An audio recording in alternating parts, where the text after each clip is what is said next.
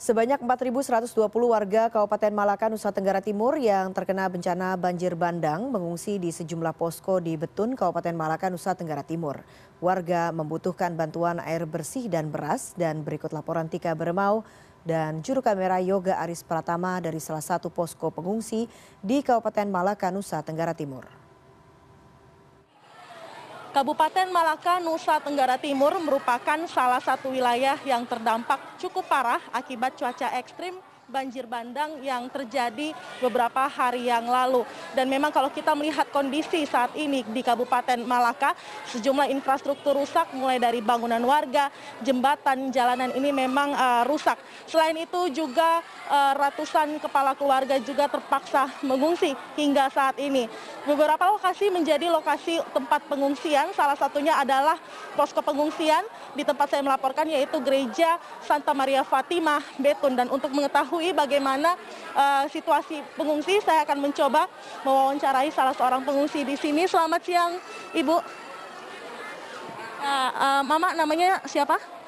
Nama Santi Nabian Komakno dari Desa Naimana, Dusun ya. Uh, berarti Ibu Santi saya panggil ya? Iya, iya. Sudah berapa lama mengungsi di sini? Dari hari apa? Dari hari Senin. Senin. Kejadian banjir bandang hari Minggu ya, Mama ya? Hari Minggu hari Minggu pagi. Kondisi rumah bagaimana di desa Naimana? Rumah bebek semua hancur, terbawa air. Nah, boleh cerita sedikit pas hari Minggu itu, itu uh, kondisinya bagaimana sehingga akhirnya terpaksa harus mengungsi ke sini? Keadaan memburuk sekali. Air, semua rumah hancur, barang-barang juga habis. Jadi kami datang juga hanya dengan begini, dalam keadaan begini saja. Hanya bawa baju di badan saja, tidak bawa apa-apa. Pas hari Minggu itu, pas uh, saat banjir bandang terjadi itu bagaimana? Tolong diceritakan. Setelah kami bangun dari tempat tidur, begitu air sudah banyak. Dan di saat itu juga kami tidak bisa ini, kami langsung kabur, naik di atas loteng kami bawa anak-anak dengan orang tua kami di atas loteng. Berarti itu kejadiannya pas malam hari ya Bu ya? Pagi, sekitar jam 4. Hmm. Jam 4.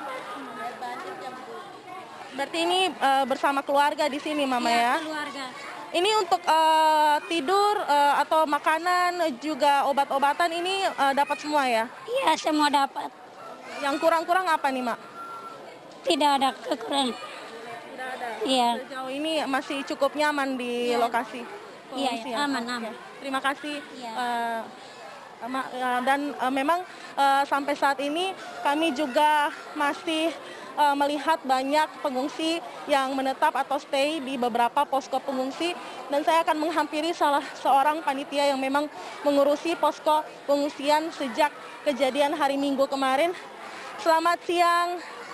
Den dengan dengan Romo Yanto. Romo Yanto, Romo Yanto yang uh, bertugas di sini ya. Ya, saya koordinator untuk posko yang ada di uh, Gereja Santa Maria Fatima Betun.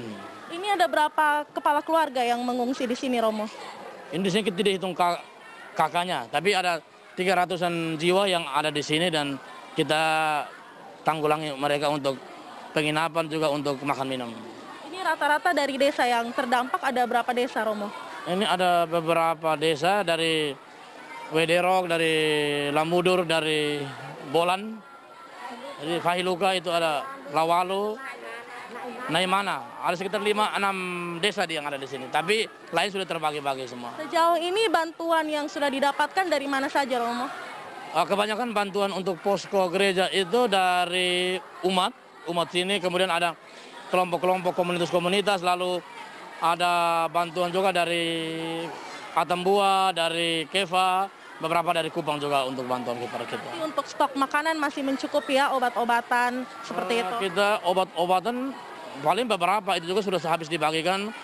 Sedangkan kita kekurangan itu masih banyak di air mineral sama beras karena di sini satu hari kita satu hari kita menghabiskan beras untuk makan itu enam karung belum lagi air makanya kita hemat-hemat tapi juga ada masih banyak dari luar yang datang minta untuk kita beri, kita masih memberi untuk mereka, kita bantu-bantu juga. Tapi kita harapkan masih ada sumbangan dari banyak pihak untuk saudara-saudara kita yang ada di sini khususnya untuk air mineral dan juga beras sehingga untuk bisa mencukupi kebutuhan makan setiap hari.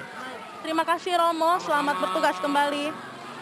Ya, uh, itu tadi uh, keterangan dari uh, Romo Yanto selaku selaku petugas yang bertugas di sini dan memang kerusakan selain infrastruktur juga terdapat kerugian lainnya seperti kerugian materi yaitu gagal panen juga banyak ternak milik warga yang mati dan untuk saat ini memang hingga kini masih banyak sekali bantuan yang diperlukan seperti air bersih dan juga uh, makanan bagi para pengungsi.